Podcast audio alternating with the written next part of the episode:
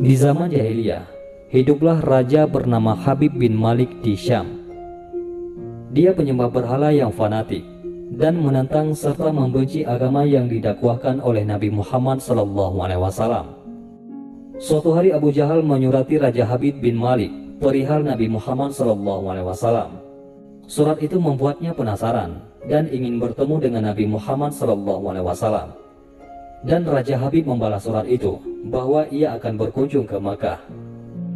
Pada hari yang telah ditentukan, berangkatlah ia dengan 10.000 orang ke Makkah. Sampai di desa Abtah, yakni desa yang dekat dengan Makkah, ia mengirim utusan untuk memberitahu Abu Jahal bahwa dia telah tiba di perbatasan Makkah. Maka disambutlah Raja Habib oleh Abu Jahal dan pembesar Quraisy. Seperti apa Muhammad itu? Tanya Raja Habib setelah bertemu dengan Abu Jahal. Sebaiknya Tuhan tanyakan kepada Bani Hashim, jawab Abu Jahal. Lalu Raja Habib menanyakan kepada Bani Hashim. Di masa kecilnya, Muhammad adalah anak yang bisa dipercaya, jujur dan baik budi. Tapi sejak berusia 40 tahun, ia mulai menyebarkan agama baru, menghina dan menyepelekan Tuhan-Tuhan kami. Ia menyebarkan agama yang bertentangan dengan agama warisan nenek moyang kami. Jawab salah seorang keluarga Bani Hashim.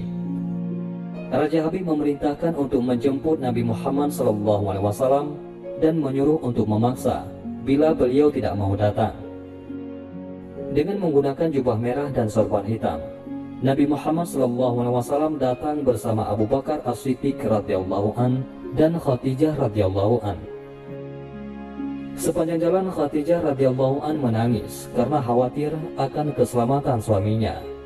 Demikian pula Abu Bakar radhiyallahu an. Kalian jangan takut.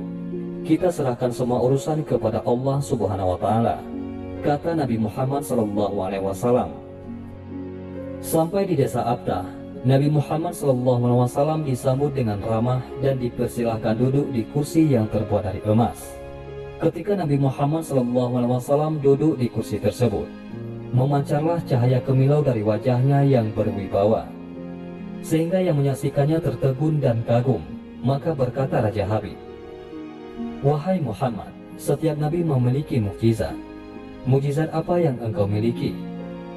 Dengan tenang, Nabi SAW balik bertanya, Mukjizat apa yang Tuhan kehendaki? Raja Habib bin Malik menjawab, Aku menghendaki matahari yang tengah bersinar engkau tenggelamkan. Kemudian munculkanlah bulan. Lalu turunkanlah bulan ke tanganmu, belah menjadi dua bagian, dan masukkan masing-masing ke lengan bajumu sebelah kiri dan kanan. Kemudian keluarkan lagi dan satukan lagi. Lalu suruhlah bulan mengakui bahwa engkau adalah rasul. Setelah itu kembalikan bulan itu ke tempatnya semula. Jika engkau dapat melakukannya, aku akan beriman kepadamu dan mengakui kenabianmu. Mendengar itu, Abu Jahal sangat gembira. Pasti Nabi Muhammad SAW tidak dapat untuk melakukannya. Dengan tegas dan yakin, Nabi Muhammad SAW menjawab, Aku penuhi permintaan Tuhan.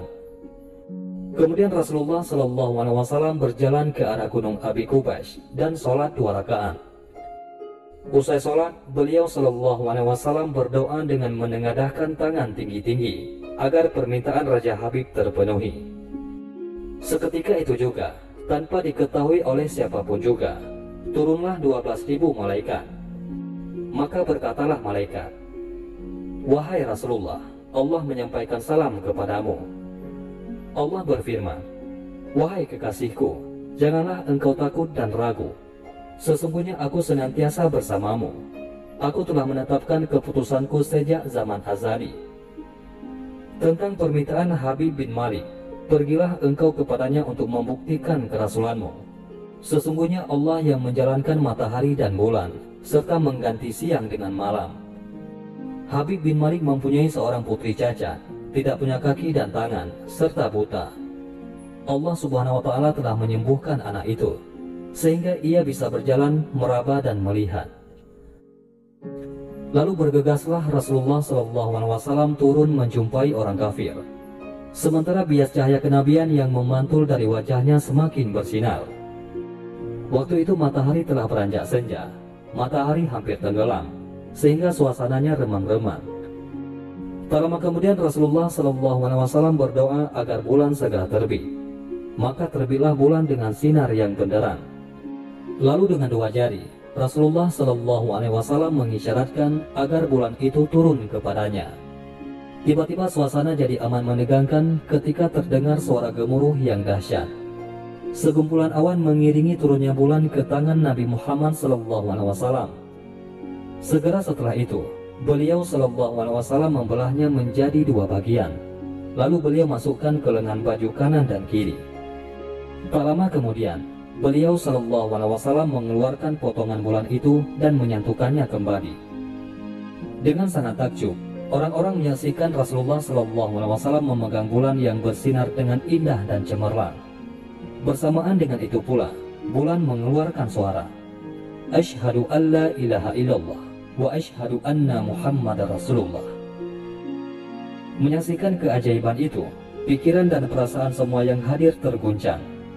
Sungguh, ini bukan mimpi, melainkan sebuah kejadian yang nyata. Sebuah mujizat luar biasa hebat yang disaksikan sendiri oleh Raja Habib bin Malik.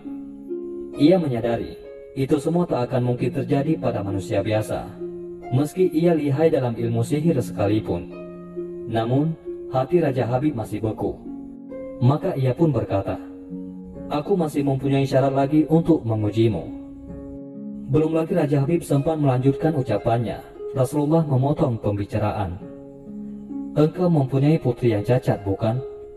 Sekarang Allah Subhanahu wa taala telah menyembuhkannya dan menjadikannya seorang putri yang sempurna. Raja Habib pun terkejut karena tidak ada siapa pun yang tahu penyakit anaknya itu, yaitu lumpuh dan matanya buta, kecuali orang-orang istana dan mereka yang dekat dengannya saja. Mendengar itu, betapa gembiranya hati Raja Habib.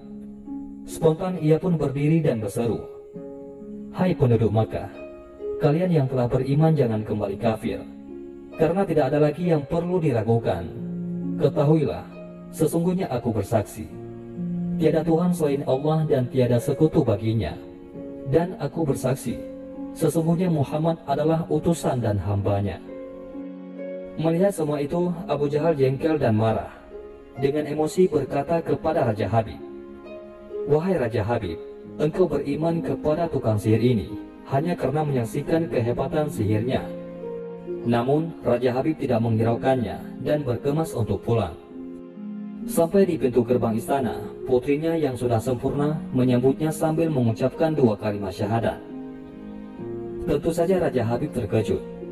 Wahai putriku, dari mana kamu mengetahui ucapan itu? Siapa yang mengajarimu? Aku bermimpi didatangi seorang lelaki tampan rupawan yang memberitahu aku bahwasanya ayah telah memeluk Islam dia juga berkata, jika aku menjadi muslimah, anggota tubuhku akan lengkap. Tentu saja aku mau. Kemudian aku mengucapkan dua kalimat syahadat. Jawab sang putri. Maka seketika itu juga, Raja Habib pun bersujudlah sebagai tanda syukur kepada Allah Subhanahu wa taala. Itulah salah satu kisah mukjizat Nabi Muhammad sallallahu wasallam. Dan marilah kita bersalawat kepada baginda Nabi Muhammad sallallahu wasallam Semoga kita semua senantiasa selalu diakui sebagai umat Nabi Muhammad SAW dan pantas mendapatkan berkah dan syafaat dari beliau SAW. Amin ya Rabb.